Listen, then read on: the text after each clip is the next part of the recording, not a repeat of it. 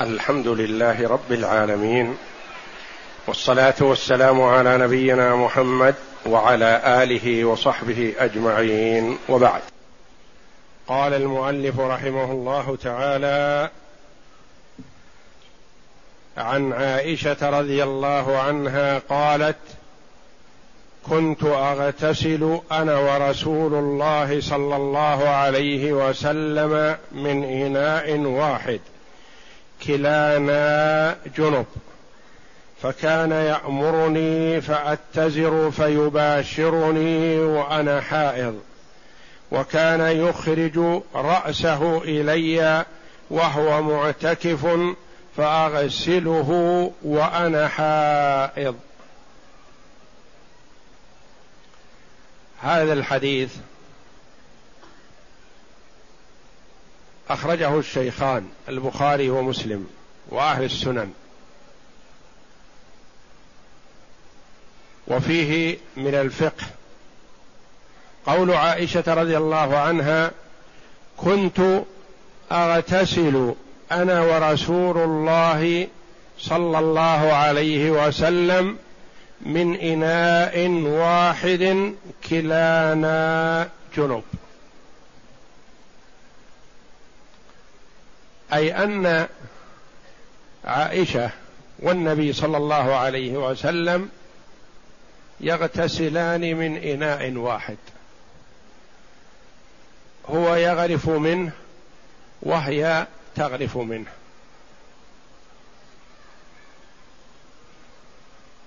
فكون المرأة تغرف من الماء لاغتسال الجنابة لا يؤثر على الماء. بل يبقى الماء على طهوريته. وعلى المرء قبل أن يدخل يديه في الإناء إذا كان على جنابة أن يغسلهما قبل إدخالهما. لأنه إذا أدخلهما وعليهما الجنابة ارتفعت الجنابة عن اليدين وبقي الماء مستعملا.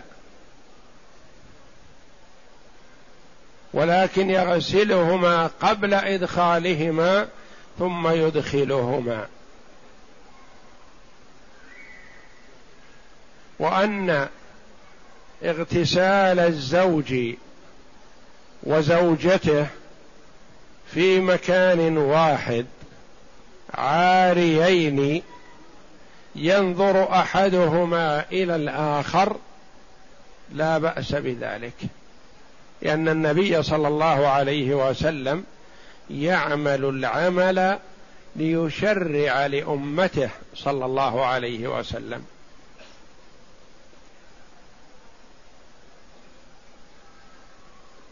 وأن اغتراف الجنب من الماء لا يؤثر عليه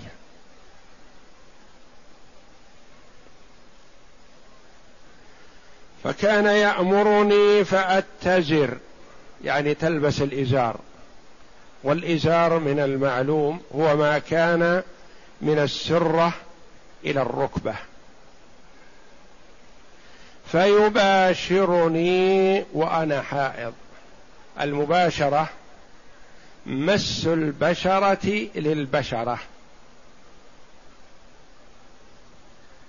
يعني تمس بشرة النبي صلى الله عليه وسلم بشرة عائشة. وهي حائض. فلم يكن يحول بين البشرة والبشرة سوى الإزار. إزار عائشة ما بين السرة إلى الركبة.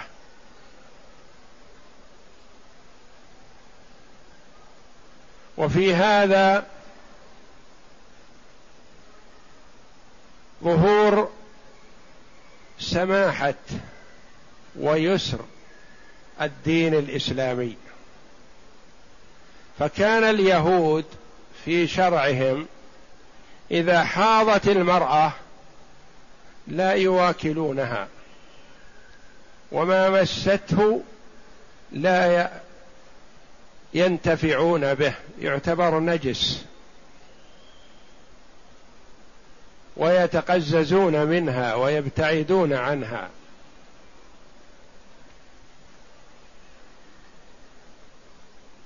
فقال النبي صلى الله عليه وسلم لمخالفة اليهود اصنعوا كل شيء إلا النكاح.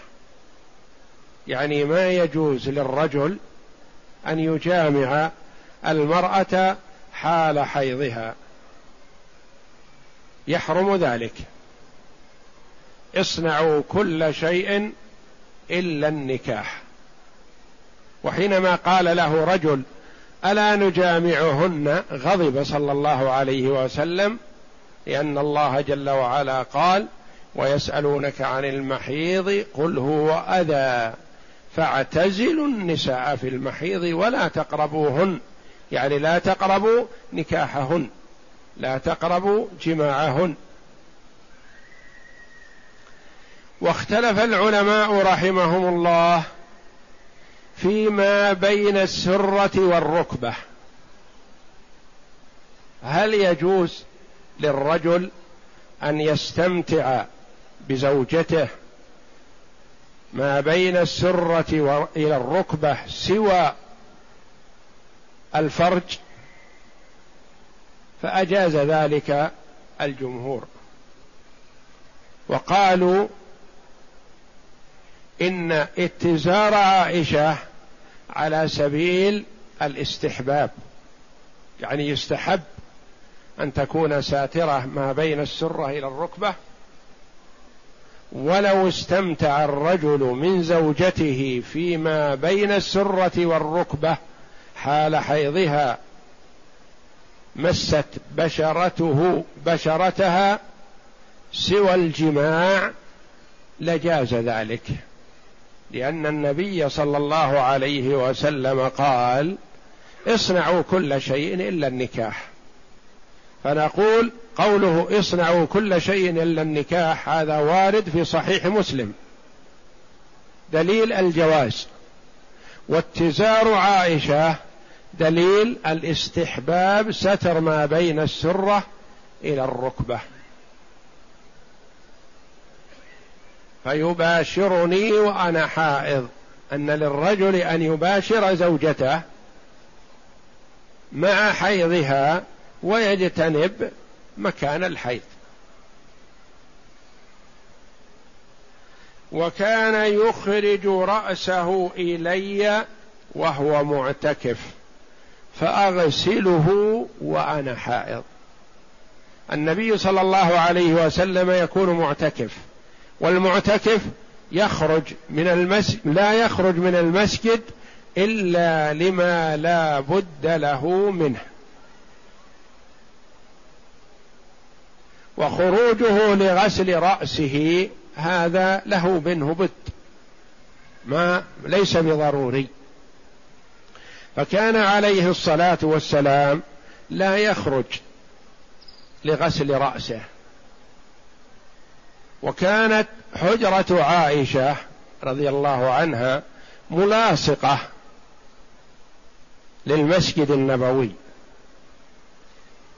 وهي في مكان قبره عليه الصلاة والسلام حاليا. فكان عليه الصلاة والسلام هو معتكف لا يخرج من المسجد إلا لما لا بد له منه. وهي حائض لا تدخل المسجد وإلا فيجوز للمرأة أن تزور زوجها إذا كان معتكفا في المسجد.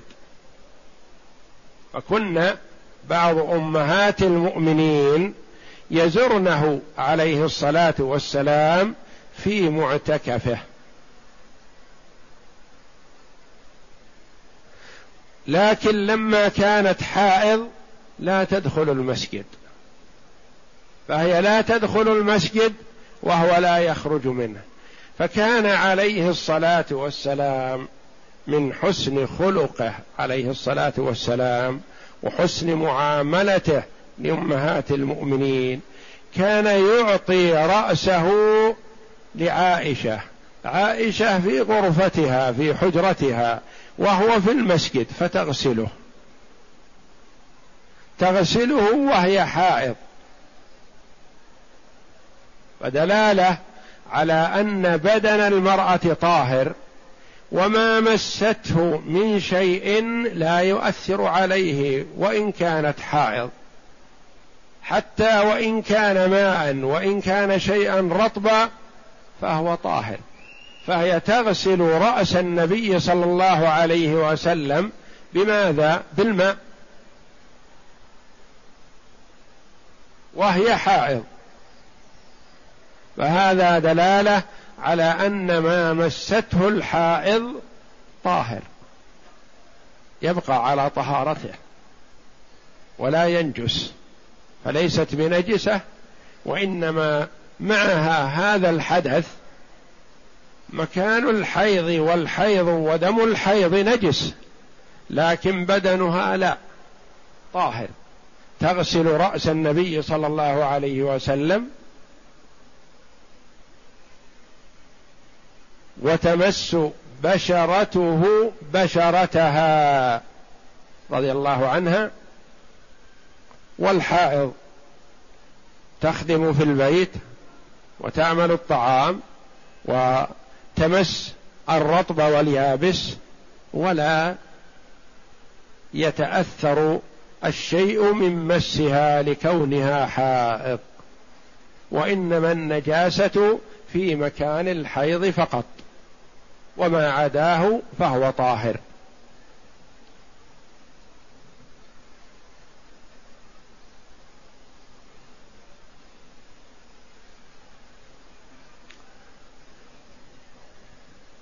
ويؤخذ من هذا حسن معاملة النبي صلى الله عليه وسلم لأمهات المؤمنين لأنهن رضي الله عنهن كلهن يوددن القرب من النبي صلى الله عليه وسلم. فكان يدنيهن منه مع حيضهن. وإلا فعنده أمهات المؤمنين الأخريات فهو ليس بحاجة في نفسه ولكنه من حسن خلقه صلى الله عليه وسلم يباشر الحائض كما يباشر الطاهرة. ويقسم للحائض كما يقسم لغيرها صلوات الله وسلامه عليه.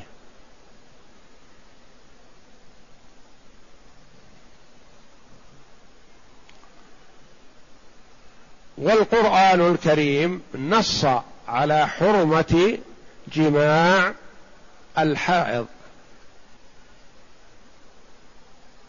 والسنة المطهرة وردت بحماية مكان الحيض وما حوله. فلا يخلو إن كان الرجل يخاف على نفسه الوقوع في الحرام الذي هو الجماع حال حيضها فلا يباشر ما بين السرة والركبة إلا من وراء حائل.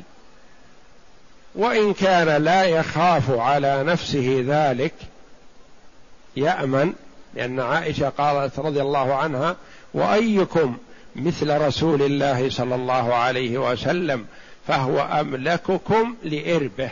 يعني معصوم صلى الله عليه وسلم من الوقوع في المحظور. فإن كان لا يخاف على نفسه الوقوع في الحرام فلا حرج من الاستمتاع بما بين السرة والركبة بشرط أن لا يقرب مكان الحيض الذي هو الفرج.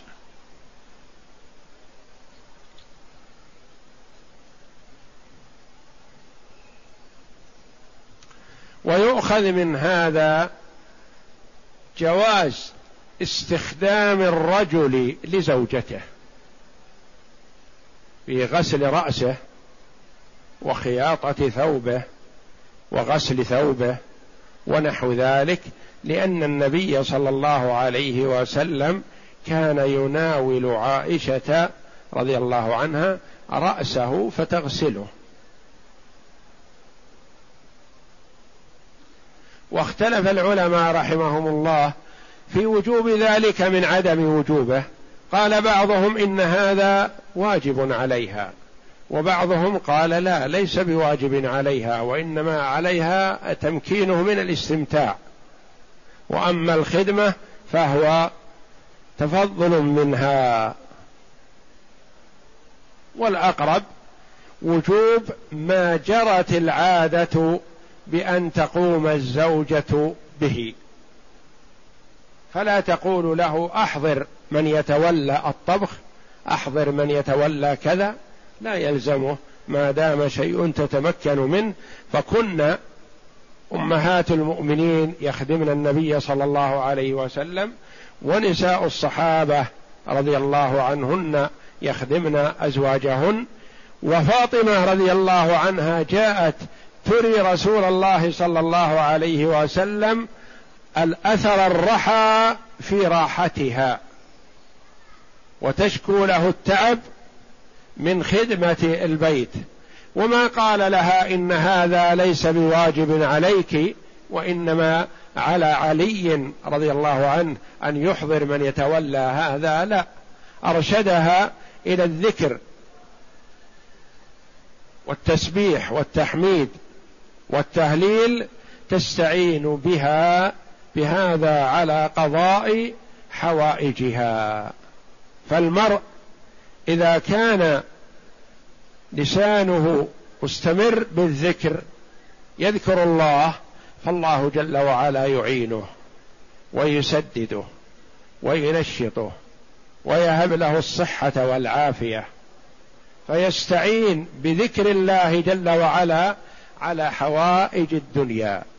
فالنبي صلى الله عليه وسلم أرشد عائشة لما أرته أثر الخدمة في يديها وأثر حمل الماء وطحن الدقيق ونحو ذلك أرشدها إلى التسبيح والتحميد والذكر لله جل وعلا لتستعين به على ذلك فهذا خير لها من خادم لأنها جاءت تستخدمه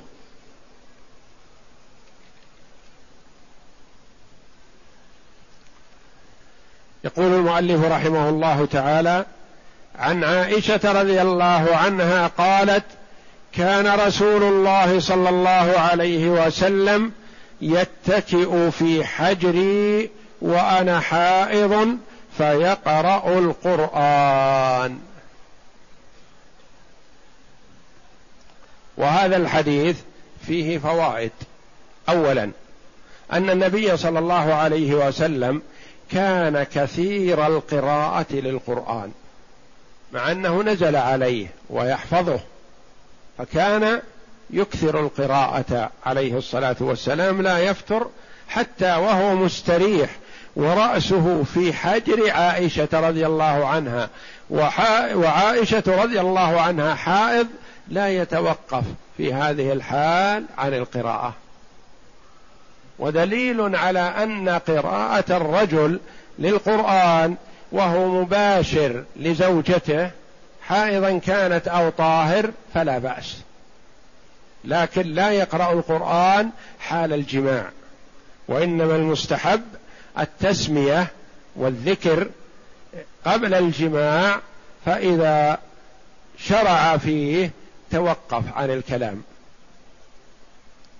يستحب أن يقول عند إرادة إتيان أهله بسم الله اللهم جنبنا الشيطان وجنب الشيطان ما رزقتنا. فإن قدر الله جل وعلا بينهما ولد لم يضره الشيطان. لأنه ابتدأ به في ذكر الله جل وعلا.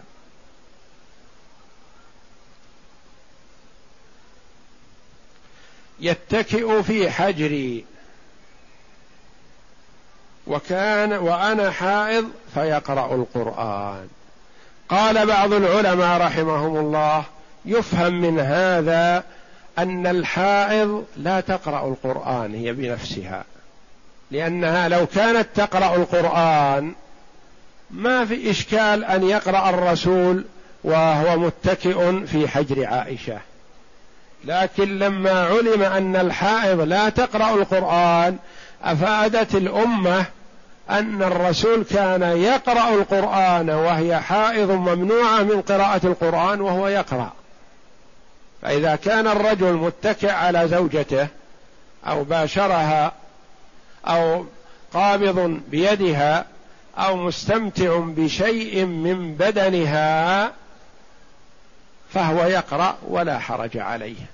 حتى وإن كانت الزوجة حائض وهو متكئ عليها فيقرأ. لكن هل هي تقرأ القرآن أو لا؟ الحائض. لا تمس المصحف لأنها محدثه حدث أكبر. هل تقرأ؟ قال بعض العلماء تقرأ القرآن. إذا خشيت نسيانه أو احتاجت للقراءة لضرورة كأن تكون مثلا في حالة امتحان أو في حالة تعليم تقرأ القرآن ولا تمس المصحف يعني يكون قراءتها من وراء حائل. بعضهم قال لا تقرأ القرآن لأن الحائض محدثة حدث أكبر لا تقرأ معه القرآن كما لا يقرأه الجنب. الأولون قالوا نعم نحن معكم. الجنب لا يقرأ القرآن لأنه يستطيع في الحال أن يرفع جنابته بالاغتسال أو بالتيمم إذا لم يكن عنده ماء أو لا يستطيع استعمال الماء. أما الحائض والنفساء فهي لا تستطيع أن ترفع حدثها الأكبر. قالوا لذا؟ يرخص لها بالقراءة القرآن في حالات لا باستمرار في حالات. إذا خشيت نسيانه أو كان عندها امتحان أو كانت تعلم ومحتاجة لأن تقرأ فتقرأ ولا بأس. لأن مدة الحيض تطول ومدة النفاس أطول. فإذا منعناها في هذه الحال عن القراءة ربما نسيت ما حفظته أو ربما كانت مضطرة للقراءة في حالة الامتحان ونحوه. فلعل الأولى لها أنها لا تقرأ إلا عند الضرورة والحاجة. إذا خشيت النسيان تقرأ أو كانت في حالة امتحان أو في حالة ضرورة لإقراء التلميذات لكونها لكونه لا يوجد من يقرئهن غيرها.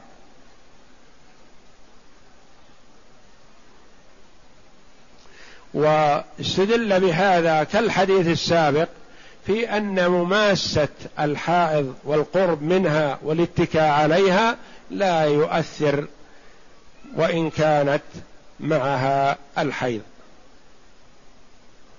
واستحباب أن يقرأ المسلم القرآن على أي حال إلا في حال الحدث الأكبر كالجنابة فيتوقف حتى يغتسل أو يتيمم إذا كان عادما للماء. وأما الحدث الأصغر فلا يمنع من القراءة لكن هل يمنع من مس المصحف أو لا يمنع؟ قولان للعلماء رحمهم الله والأولى للإنسان أن يحترم كتاب الله جل وعلا فلا يمسه إلا طاهرا. وأما قراءة القرآن فيقرأه في حال حدثه الأصغر كما يقرأه في حال طهارته. ويحسن الا يفوت على نفسه الأجر قراءة القرآن. حتى الذي لا يحفظ القرآن أو لا يحفظ أكثره أو لا يحفظ إلا اليسير منه يكرر في جميع أحواله يكثر من قراءة الفاتحة. قراءة آية الكرسي أعظم آية في كتاب الله. قراءة الفاتحة أعظم سورة نزلت في القرآن. ما نزل في التوراة ولا في الإنجيل ولا في الزبور ولا في القرآن مثلها. وهي أفضل سورة وفيها الخير العظيم. ويقرأ ما تيسر المعوذتين. هو يمشي في طريقه في مستريح في بيته يقرأ يقرأ. لو يكرر الفاتحة يكرر المعوذتين يكرر آية الكرسي له بكل حرف حسنة والحسنة بعشر أمثالها. يقول صلى الله عليه وسلم لا أقول ألف لام ميم حرف ولكن ألف حرف ولام حرف وميم حرف. ففي قراءة القرآن خير كثير.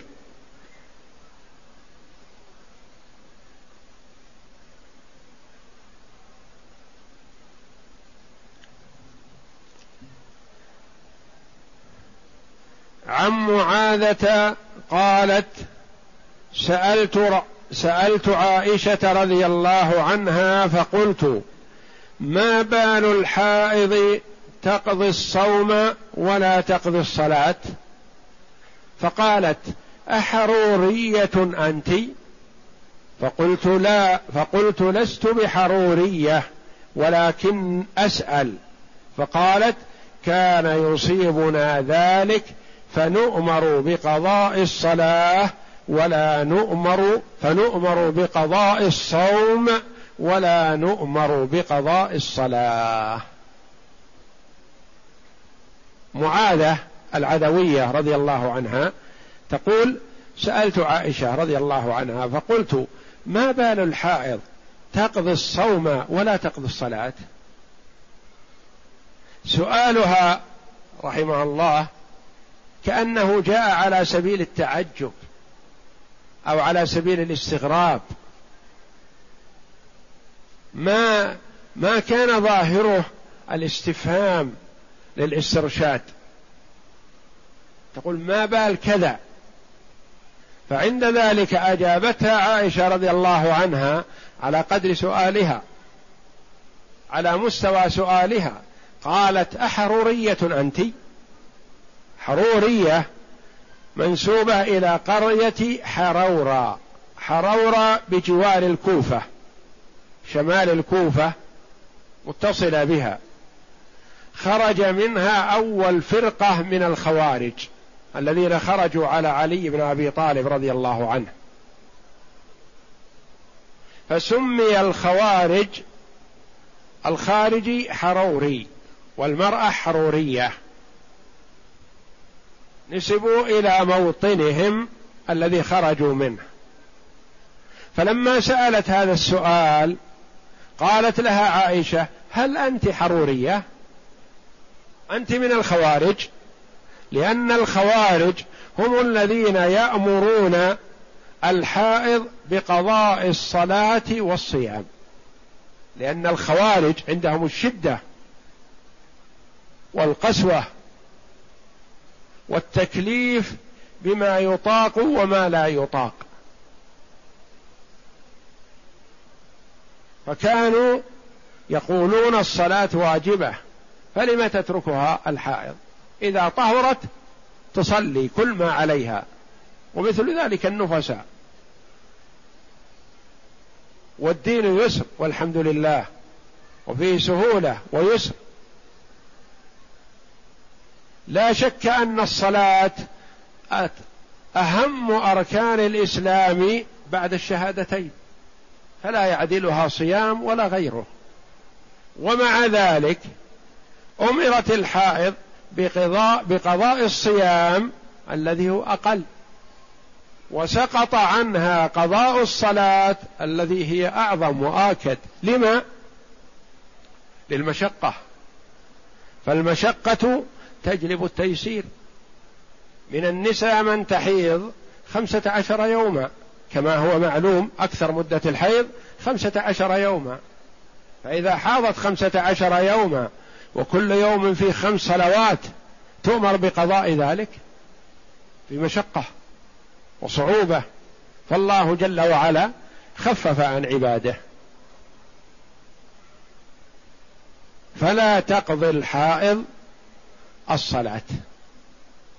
بل تصلي الصلوات في طهرها فإذا حاضت توقفت. فإذا طهرت قال كثير من العلماء تصلي الصلاة الحاضرة وما يجمع معها قبلها. إذا طهرت قبل غروب الشمس تصلي العصر لأنها في وقت العصر لا شك. وتصلي الظهر لأنها تجمع معها. إذا طهرت قبل طلوع الفجر هي في لا تزال في وقت العشاء تصلي وقت العشاء وتصلي ما يجمع معها قبلها وهو المغرب. فإذا طهرت قبل طلوع الفجر تصلي المغرب والعشاء. وإذا طهرت قبل غروب الشمس تصلي الظهر والعصر. وإذا طهرت قبل طلوع الشمس تصلي الفجر فقط. وإذا طهرت بعد طلوع الشمس فليس عليها صلاة سابقة لأن صلاة الفجر انتهى وقتها بطلوع الشمس. فإذا طهرت من طلوع الشمس إلى وقت الظهر لا تصلي شيئا مضى وتصلي وقت صلاة الظهر. فعائشة رضي الله عنها أتتها بالدليل القاطع. ما عللت ولا أتت بالتعليل لأن السائل إذا أعطي الدليل والتعليل فحسن إذا كان معقول العلة. وإذا لما قالت لها لست بحرورية يعني لست من الخوارج لست معترضة ولا مستغربة ولكني أسأل هل يلزمنا قضاء الصلاة في حال الحيض؟ فقالت لها عائشة رضي الله عنها كان يصيبنا ذلك يعني أي الحيض. كان يصيبنا ذلك. فنؤمر أخذ من هذا العلماء أن الصحابي أو الصحابية إذا قال نؤمر أو أمرنا أو نهينا أن الآمر هو النبي صلى الله عليه وسلم والناهي هو النبي صلى الله عليه وسلم لأنه هو المشرع. قالوا هذا التعبير له حكم الرفع.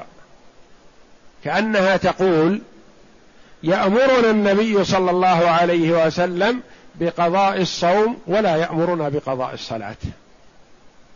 وذلك لأن قضاء الصوم سهل والحمد لله. أيام على طول السنة.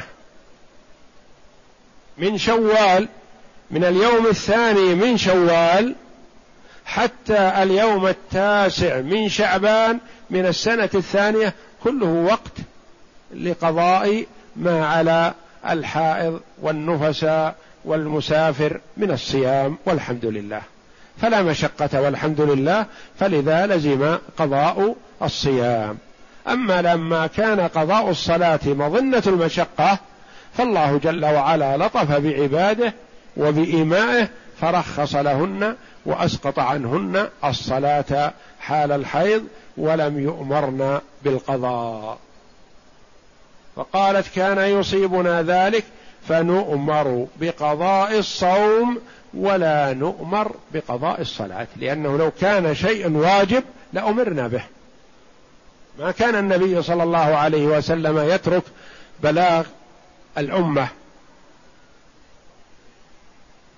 فهو عليه الصلاة والسلام لديه أمهات المؤمنين ونساء المؤمنين كان يأمرهن إذا حاضت وتركت الصلاة أن تقضي لكنه لم يفعل ذلك فهذا دليل على عدم وجوب قضاء الصلاة وأن قضاء الصلاة من التعنت ومن الخروج على سنة رسول الله صلى الله عليه وسلم. قضاء الحائض للصلاة حال حيضها لا يجوز لها ذلك لأنه مخالف لسنة رسول الله صلى الله عليه وسلم. والخوارج كانوا يأمرون الحيض والنفساء بأن تقضي ما عليها من صلاة حال حيضها.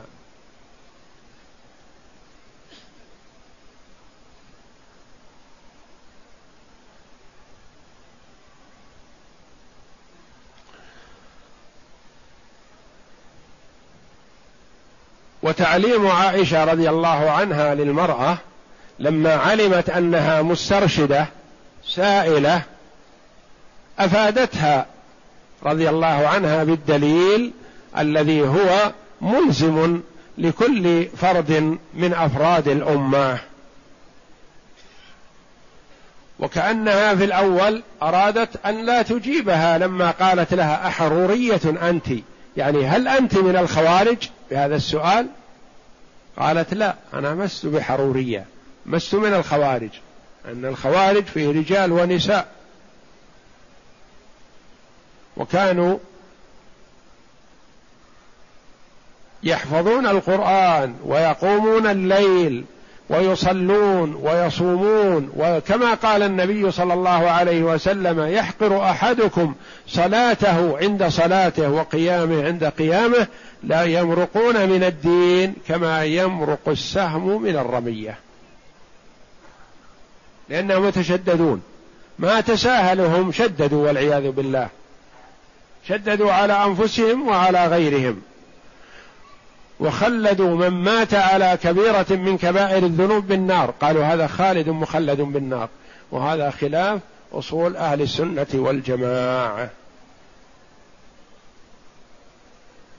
والقاعدة الثابتة الأصولية المشقة تجلب التيسير. كل ما حصل مشقة فالتفت يمينا أو شمالا تجد التيسير من الله جل وعلا بجوارها. فإن مع العسر يسرا إن مع العسر يسرا. قال صلى الله عليه وسلم لن يغلب عسر يسرين. لأن العسر معرف والعسر المعرف واحد لو تكرر. واليسر منكر نكرة. والنكرة إذا تكرر فالأول غير الثاني. فاليسر في هذه في هاتين الآيتين اثنان والعسر واحد. والدين الإسلامي يسر والحمد لله. والله أعلم. وصلى الله وسلم وبارك على عبد ورسول نبينا محمد وعلى آله وصحبه أجمعين.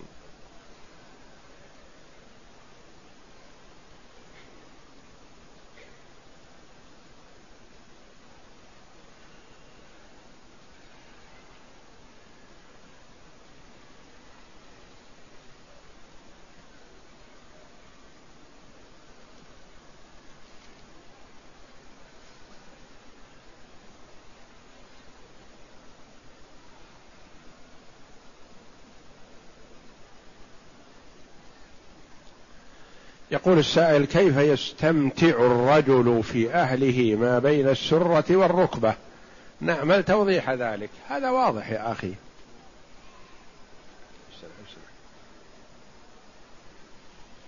له أن يستمتع من زوجته بما شاء في حال الحيض يجتنب الفرج مكان الحيض يجتنب القبل والدبر.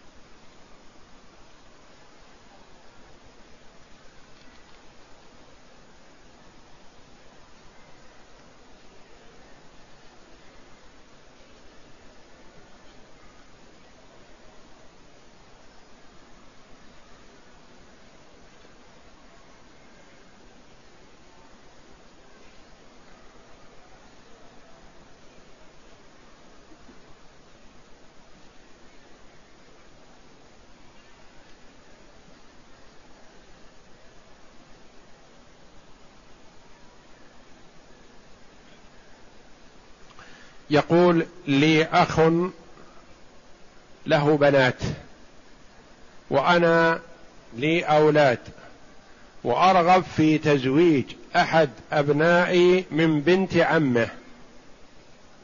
فأفادتني والدتهم أنهم إخوان من الرضاعة علما بأن البنت التي أريدها لولدي لم ترضع من زوجتي. وكذلك ولدي لم يرضع من أمها. وهو يكبرها سنا بأكثر من عشر سنوات. علما أن إخوانها الذين رضعوا من زوجتي هم الأكبر. وأقول إذا كانت بنت أخيك لم ترضع من أم الولد ولا من أي زوجة من زوجاتك وابنك لم يرضع من أي زوجة من زوجات أخيك ولم يرضع من أمكما مثلا وكذلك البنت لم ترضع من أم أبيها وعمها فهي حل له يجوز أن يتزوجها لأنها أجنبية. ولو كان إخوانها وإخوانه تراضعوا. المهم هذه البنت أن لم ت... أنها لم تكن رضعت من لبنك. وولدك لم يرضع من لبن أخيك. فله أن يتزوجها في هذه الحال.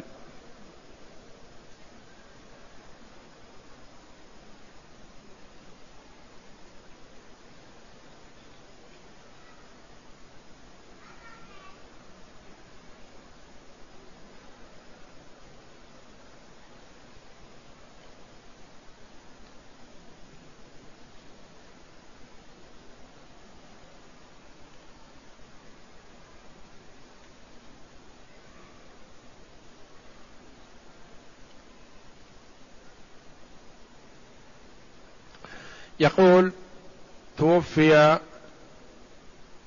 شخصان معي في حادث رجل وابنه. وقد علمت وسمعت بأن علي اعتاق رقبة.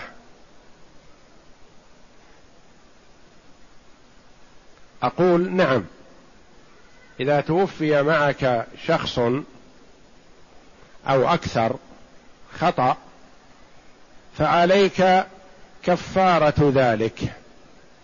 وهي عتق رقبة عن كل نفس ماتت معك. يعني عليك إذا كان مات معك اثنان عليك عتق رقبتين. فإن استطعت واحدة ولم تستطع الثانية أو لم تستطعهما معا فعليك صيام شهرين متتابعين عن كل نفس. ولا يلزم أن تتتابع أربعة الأشهر وإنما عن الرقبة الواحدة تتابع شهرين ثم لك أن تفصل. ثم تصوم عن الرقبة الثانية. فإن وجدت من رقبة تعتقها فلا بأس عليك. المهم أن تتأكد من صحة هذا. لا تسلم القيمة لمن لا تثق به على نية أنه يشتري ويعتق عنك. تأكد من هذا. ولا تعتمد إلا على ثقة.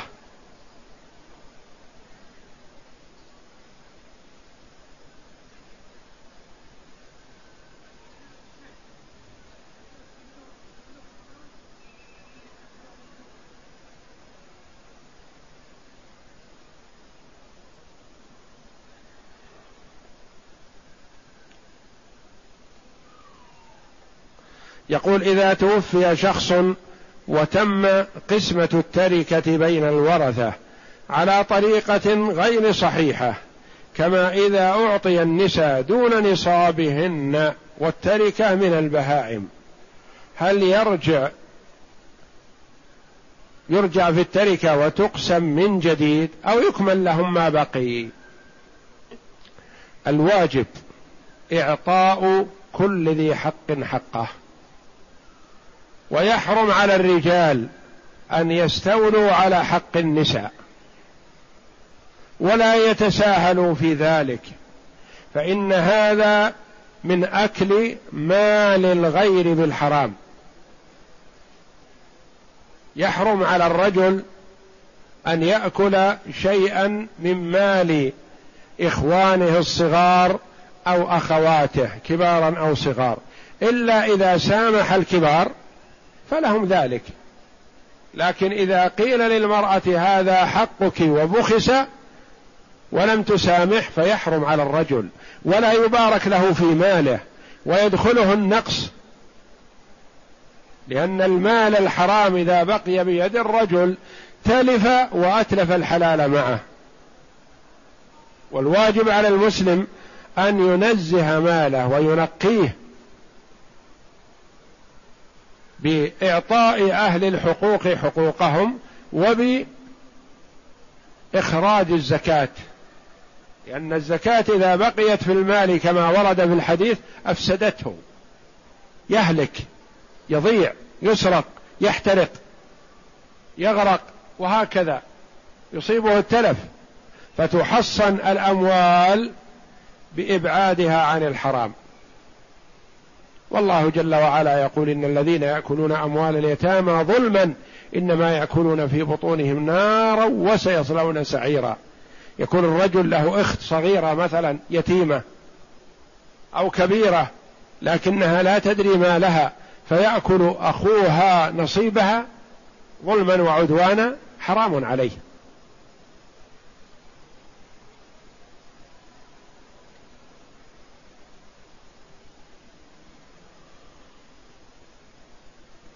هل يجوز للرجل أن يستمني يخرج المني بين فخذي زوجته الحائض أو عن طريق كف يدها أو غير ذلك؟ له كل ذلك. له أن يستمتع من زوجته بما شاء. هو لا يستمتع بيده هو لكن يستمتع بزوجته بما شاء ويجتنب الحرام. يجتنب الدبر دائما وابدا. ويجتنب الفرج القبل زمن الحيض.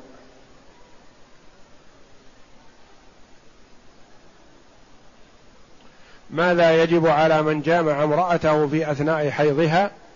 يجب عليه أن يتصدق بدينار أو نصفه. قال بعض العلماء دينار إذا كان في أول الحيض ونصف الدينار إذا كان في آخر الحيض والوارد في الأثر يتصدق بدينار أو نصفه. والدينار أربعة أسباع الجنيه.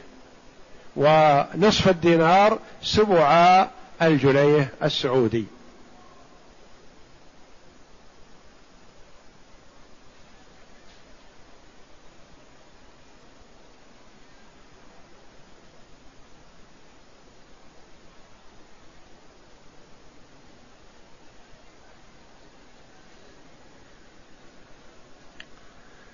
ما حكم جلوس الحائض في الساحات المحيطة بالمسجد الحرام.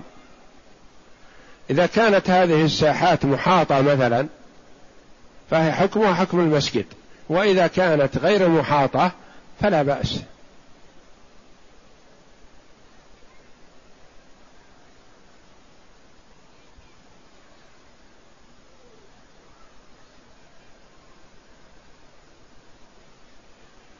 يقول ما حكم الطواف؟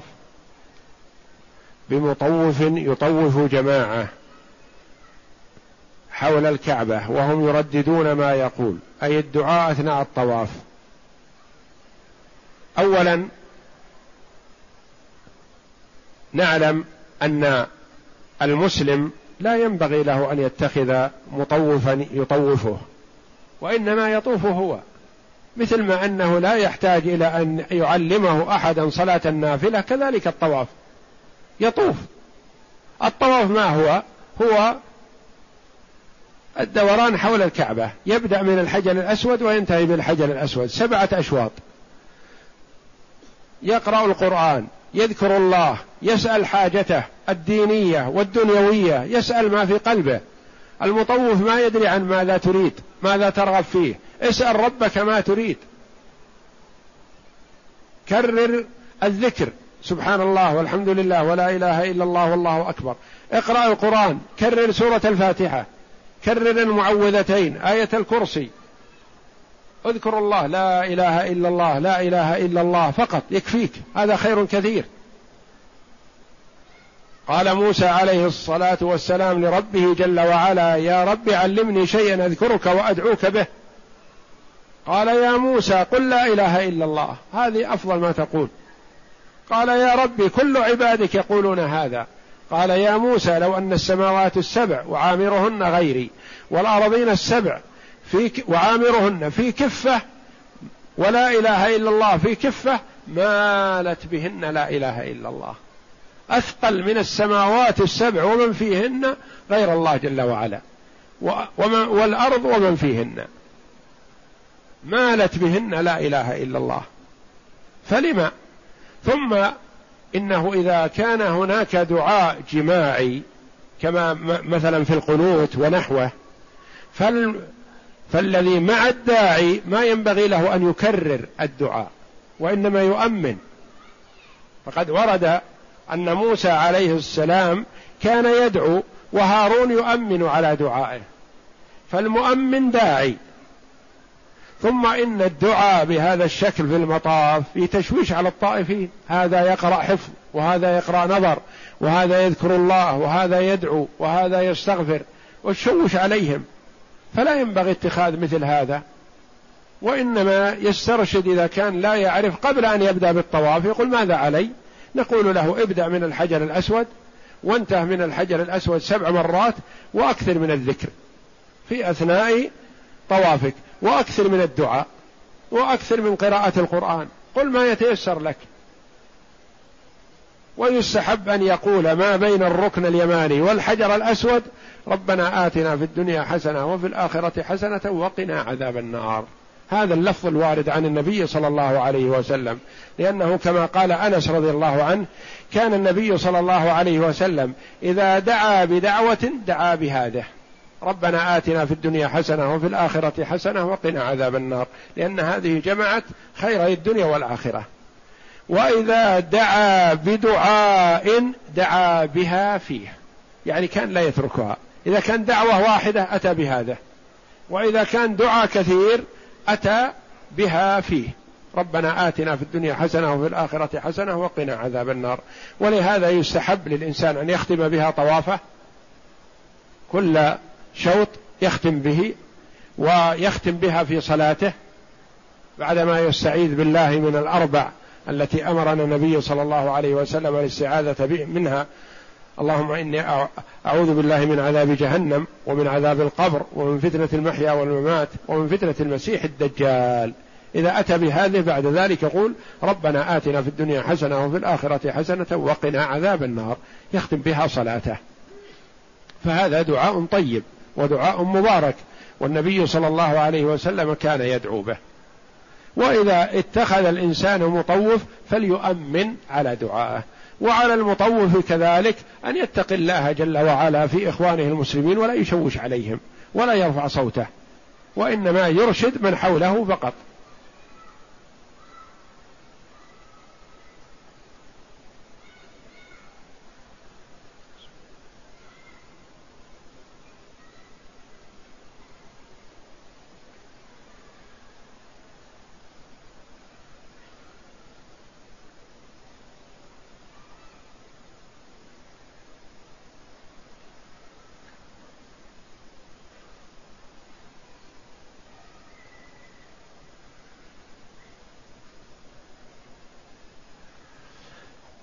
يقول السائل اعتمرنا يوم الخميس وذهبنا إلى المدينة ورجعنا اليوم. فهل يشرع لنا طواف قدوم؟ علما بأننا سنذهب غدا. لا لا يلزمكم طواف قدوم وإنما يستحب الطواف في كل وقت. ولو اعتمرتم في مجيئكم من المدينة لكان حسن لأنه يستحب لمن قدم مكة أن يقدم إليها بعمرة. وأما من دخل مكة فلا ينبغي له أن يخرج للإتيان بعمرة. أنت في المدينة تريد مكة ولو أنك خرجت من مكة أمس. فإذا توجهت إلى مكة فأحرم من الميقات وادخل مكة بعمرة. يا أخي لا تحرم نفسك. أنت دخلت مكة لا تخرج من أجل أن تأتي بعمرة أكثر من الطواف بالبيت. دخلت مكة بدون إحرام لا تحرم نفسك طف بالبيت. كل وقت كلما شئت طف بالبيت.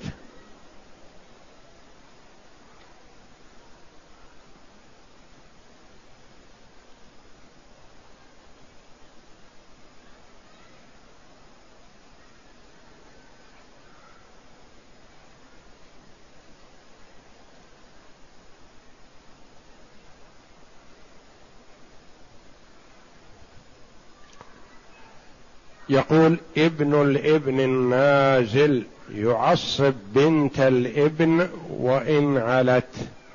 إذا استغرق من فوقها الثلثين ما معنى هذا؟ هذا يا أخي سيأتي إن شاء الله في وقته. فلا تتعجل الشيء قبل أوانه فتعاقب بحرمانه. نعم ابن الابن النازل يعصب بنت الابن وإن علت. إذا استغرق من فوقهن الثلثين. مثال ذلك يا أخي. هلك هالك عن بنتين. وبنت ابن. وابن ابن ابن. كيف نقسم؟ نقول للبنتين الثلثان. بنت الابن ما تأخذ شيء من الثلثين لأن الثلثين أخذتها البنات. لولا وجود ابن الابن هذا النازل الذي أنزل منها درجة سقط ما له شيء. لكن ابن الابن النازل عصب البنت التي أعلى منه فأخذ وهو هو وإياها ما بقي تعصيبا وصارت عصبة بالغير فأخذوا الباقي للذكر مثل حظ الأنثيين. هذه صورتها يا أخي. ولا تتعود استعجال الشيء قبل أوانه.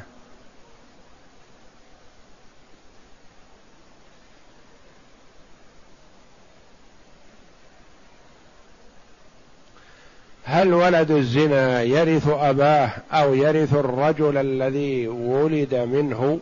لا ولد الزنا ما له أب. أبوه عاهر والعاهر له الحجر. ما له ولد. فولد الزنا يرث من أمه وترثه أمه وهو لا أب له حتى لو كان الزاني معلوم فلا ينسب إليه.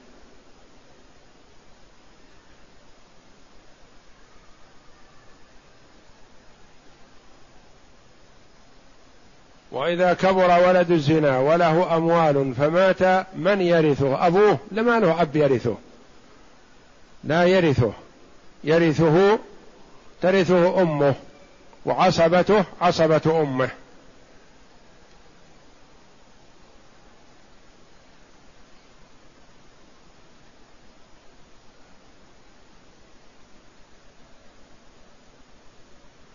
لو دخل الرجل على امرأة بدون عقد نكاح فولدت له ثم مات الرجل وله مال وليس عنده إلا هذا الولد هذا الولد ما هو له ف وأمه فهل يرثونه؟ لا. الأم هذه زنى بها ما دام دخل عليها بدون عقد. والولد ولد زنا إذا وجد فلا يعرفونه ولا يعرفهم.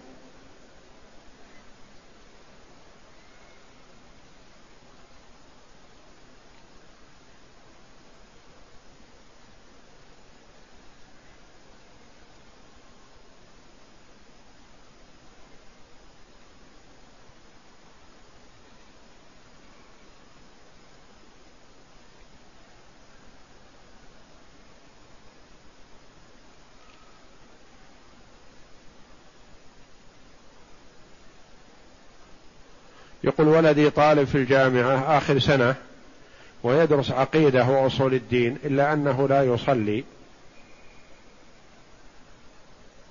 وقد عدة مرات ولكن بدون فائدة. لا تيأس يا أخي واستعن عليه. استعن عليه بمن حولك بمن يعينه. هذا ما دام يدرس في الجامعة يعرف ويدرس العقيدة وأصول الدين. فناصحه وإذا لم يقبل منك فارفع أمره لمن يعينك عليه. المحكمة أو هيئة الأمر بالمعروف والنهي عن المنكر وهم يعينونك إن شاء الله ويأخذون على يده. يلزمونه بطاعة الله جل وعلا والا يكون حكم حكم المرتد والعياذ بالله. لأنك تقول إنه كبير عمره أربع وعشرون سنة.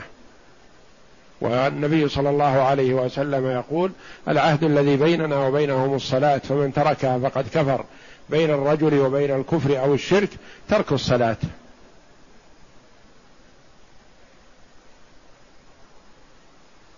وأنا محتار في أمره.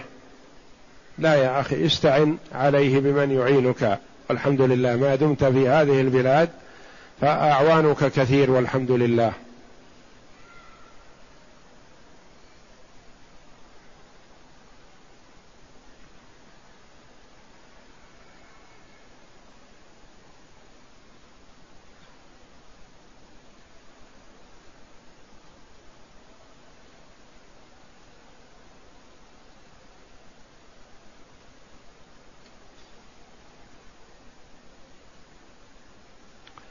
يقول هل علي إثم إن ترك إن كنت مدينا وأمر بظروف مادية صعبة؟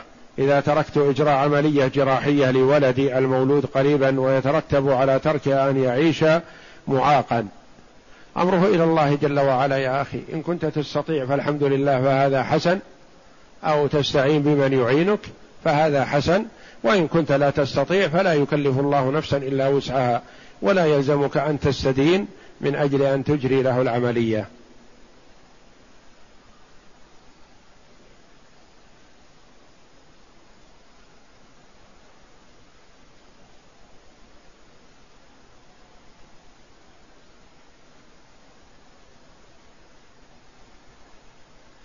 يقول لقد بعت شيئا على رجل يعمل في أحد البنوك وأنا أعلم ذلك فما حكم المكسب في هذا؟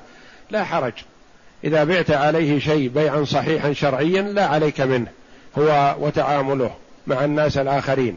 النبي صلى الله عليه وسلم كان يشتري من اليهود ومات عليه الصلاة والسلام ودرعه مرهون عند يهودي في آصع من شعير أخذها لأهله. فتعاملك تعامل شرعي مع شخص لا يتعامل المعاملة الشرعية لا يضيرك أنت. والله أعلم وصلى الله وسلم وبارك على عبده ورسول نبينا محمد وعلى آله وصحبه أجمعين.